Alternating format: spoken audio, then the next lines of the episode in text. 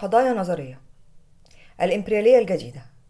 تحتل قضية الإمبريالية أهمية خاصة بالنسبة لكل التيارات الراديكالية خاصة في الدول المتأخرة اقتصاديا بل إنها تعتبر إلى حد كبير حد فاصل يميز بين هذه التيارات على كافة المستويات بداية من تحليل الصراع وصولا إلى المواقف والممارسات في قضايا الصراع الآنية.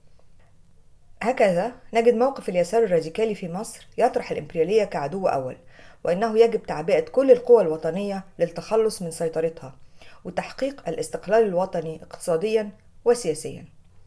ومن ناحية تانية كرد فعل لفشل المشروع الوطني نجد خطاب الإسلاميين في مصر يعتمد بقدر كبير على الدعاية ضد الغرب واضطهاد المسلمين ويطرح مشروع العودة إلى الإسلام وتوحيد الدول الإسلامية لمقاومة الغرب الإمبريالي وفك الارتباط معه. مع ذلك لم تستطع أي من هذه القوى أن تعبر عن طموحات الجماهير الحقيقية. وبالتالي وقعت في سلسلة من الهزائم والإحباطات التي عزلتها وأدت لانهيارها تقريبا. وعشان نقدر نبلور موقف واضح من القضية دي ومن تحديد مواقع الصواب والخطأ في فكر وممارسة القوى الراديكالية اللي بتطرح نفسها في المجتمع المصري لازم الأول نفهم إيه هي الإمبريالية بالنسبة للتراث الأصيل للماركسية ونحدد موقعها في الصراع من أجل الاشتراكية إيه هي النظرية الماركسية في الإمبريالية؟ من الممكن تعريف الإمبريالية بمعناها الواسع بأنها سيطرة البلاد الأقوى على البلاد الأصغر عبر التاريخ أو بمعناها الضيق بأنها السياسة التي تبعتها القوى العظمى في الثلث الأخير من القرن التاسع عشر من الإخضاع المنظم لمعظم بقية العالم تحت حكمها التعريف الكلاسيكي اللينين للإمبريالية كان أكثر تحديدا من معناها الواسع وأكثر عمومية من المعنى الضيق. بمعنى أن الإمبريالية ليست طابعا عاما للمجتمع البشري ولا هي سياسة معينة ولكنها مرحلة خاصة في تطور الرأسمالية. وهي فعلا كما حددها عنوان كراس كتبه لينين باسم أعلى مراحل الرأسمالية حاول لينين تحديد طبيعة هذه المرحلة من تطور الرأسمالي بطرح الملامح التالية للإمبريالية إيه الملامح الإمبريالية بالنسبة للينين؟ واحد تركيز الإنتاج ورأس المال قد تطور إلى خلق احتكارات تلعب دور حاسم في الحياة الاقتصادية. اتنين اندماج رأس المال البنكي مع رأس المال الصناعي وتكوين أرستقراطية مالية على أساس رأس المال التمويلي. ثلاثة تصدير رأس المال كشيء متميز عن تصدير السلع وده يكتسب أهمية استثنائية. أربعة تكوين المؤسسات الرأسمالية الاحتكارية العالمية اللي بتقتسم العالم فيما بينها. وآخر حاجة رقم خمسة هي استكمال التقسيم الإقليمي للعالم ككل بين القوى الرأسمالية الكبرى.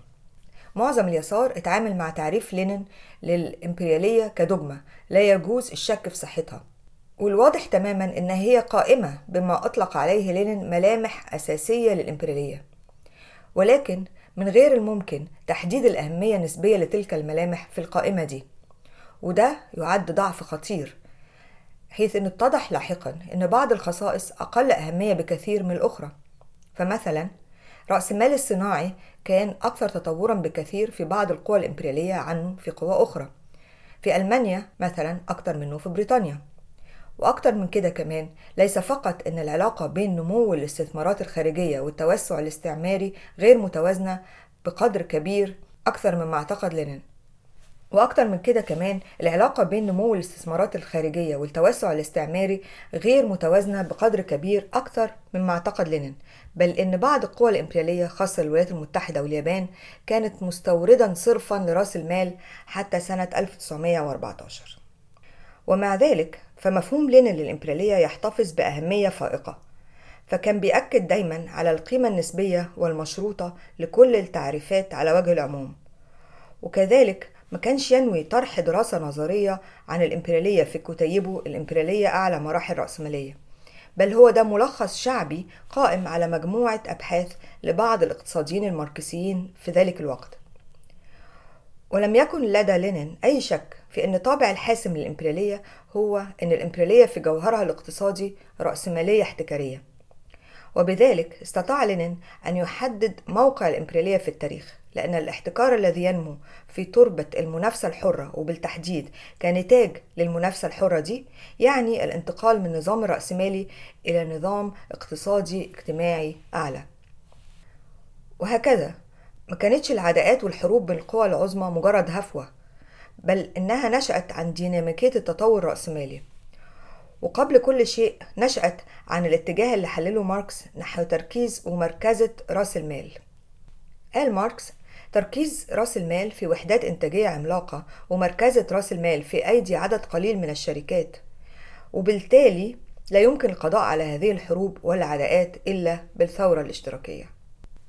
نجد في رؤية بوخارين الأكثر تنظيما ووضوحا أن الإمبريالية تنبع من اتجاهات تطور رأس المال التمويلي فقد أدت العملية التنظيمية اللي بتضم فروع أكتر فأكتر من الاقتصاد القومي عبر تكوين مؤسسات ضخمة ومن خلال دور البنوك التنظيمي إلى تحويل كل نظام قومي متطور في الرأسمالية لرأسمالية دولة احتكارية.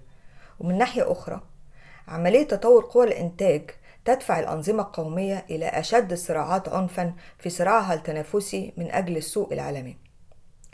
على الأساس ده تتميز الإمبريالية بسمتين جوهريتين.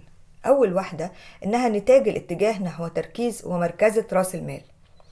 فتراكم رأس المال من خلال المنافسة يؤدي إلى كل من نمو حجم الوحدات الفردية لرأس المال اللي هي الشركات والمصانع إلى آخره. وبالتالي ابتلاع رؤوس الأموال الكبيرة وخصوصا وقت الأزمات لرؤوس الأموال الصغيرة. فبالتالي يتزايد تركيز القوى الاقتصادية ويتم احتكار قطاعات تسيطر عليها حفنة صغيرة من الشركات الكبرى أو ربما شركة واحدة عملاقة. أكتر من كده يميل الرأسمال الصناعي إلى الاندماج مع البنوك الكبرى لتكوين رأس المال التمويلي. وتكون المرحلة الأخيرة من عملية التنظيم دي هي زيادة اندماج رأس المال الخاص بالدولة القومية وبكلمات أخرى ظهور رأسمالية الدولة. تاني حاجة ينم هذا التنظيم القومي للرأسمالية في سياق تزايد عملية تدويل قوى الإنتاج. الاقتصاد العالمي اللي بيعرفه بخارين إن هو نمط من علاقات الإنتاج وبالتالي علاقات التبادل على مستوى العالم بيشكل المجال اللي بتتنافس فيه احتكارات رأسمالية الدولة. فلم تعد المنافسة من رؤوس الأموال ببساطة. هي منافسة بين شركات خاصة من أجل الأسواق لكن تتخذ باستمرار شكل الصراعات العسكرية والإقليمية بين رأسماليات الدول على مستوى عالمي. بيقول بخارين إن الصراع بين احتكارات رأسمالية الدولة بيتحدد في المقام الأول من خلال العلاقة بين قواها العسكرية لأن القوى العسكرية لبلد ما هي الملاذ الأخير لصراع المجموعات القومية من الرأسماليين. الحروب الإمبريالية زي الحرب العالمية الأولى والثانية هي أحد السمات الجوهرية لاقتصاد مقسم بين رؤوس أموال متصارعة. رؤية بخارين لنظرية الإمبريالية ما كانتش خالية من مواطن ضعف فهو قلل من أهمية أحد العناصر الجوهرية وهو المدى الذي يمكن أن يتناقض فيه الاتجاهان اللذان حددهما في الإمبريالية أي الاتجاه نحو رأسمالية الدولة ونحو تدويل رأس المال. وبالتالي تناول بخارين الاقتصاديات القومية كتكتلات رأسمالية الدولة مكتملة التنظيم واللي بيتضاءل معها أي اتجاه نحو الأزمة الاقتصادية بخلاف الحرب. إذا يمكننا تلخيص نظرية الإمبريالية في النقط التالية. إن الإمبريالية هي مرحلة من تطور رأسمالي فيها يميل تركيز ومركزة رأس المال إنه يؤدي إلى اندماج رأس المال الاحتكاري مع الدولة. اتجه تدويل قوى الإنتاج إلى إجبار رؤوس الأموال للمنافسة على الأسواق والاستثمارات والمواد الخام على مستوى عالمي. وضمن النتائج الأساسية للاتجاهين دول يحصل الآتي. تتخذ المنافسة بين رؤوس الأموال شكل الصراعات العسكرية بين دول قومية وتكون العلاقات بين الدول القومية غير متساوية. فالتطور المركب اللامتكافئ للرأسمالية بيسمح لعدد من القوى الرأسمالية المتطورة زي في البلاد الإمبريالية بمقتضى ثرواتها الإنتاجية وقواتها العسكرية أن تسيطر على بقية العالم. التطور المركب واللامتكافئ في الرأسمالية بيزيد من حدة المنافسة العسكرية وبيؤدي لحروب اللي بتشمل كل من الحروب فيما بين القوى الإمبريالية نفسها والحروب اللي بتنشأ عن صراع الأمم المقهورة ضد السيطرة الإمبريالية. اتضح من هذا العرض المجرد لنظرية الإمبريالية أن الأمر الجوهري اللي يجب التأكيد عليه هو أن الإمبريالية أعلى مرحلة تطورت إليه الرأسمالية. وبالتالي مش ممكن الفصل بين قضية التحرر من الاستغلال والاضطهاد الإمبريالي وبين قضية التحرر من المجتمع الرأسمالي برمته. وبالتالي فأي طرح يفصل بين النضال ضد الإمبريالية على أرضية وطنية أو قومية وبين النضال ضد الرأسمالية بيصبح عاجز عن تقديم رؤية حقيقية للصراع وإمكانيات تحرر البشرية من الحروب والفظائع والاستغلال المرتبط بالرأسمالية. والتي لا يمكن التخلص منها إلا بالقضاء على المجتمع الرأسمالي نفسه وبناء المجتمع الاشتراكي.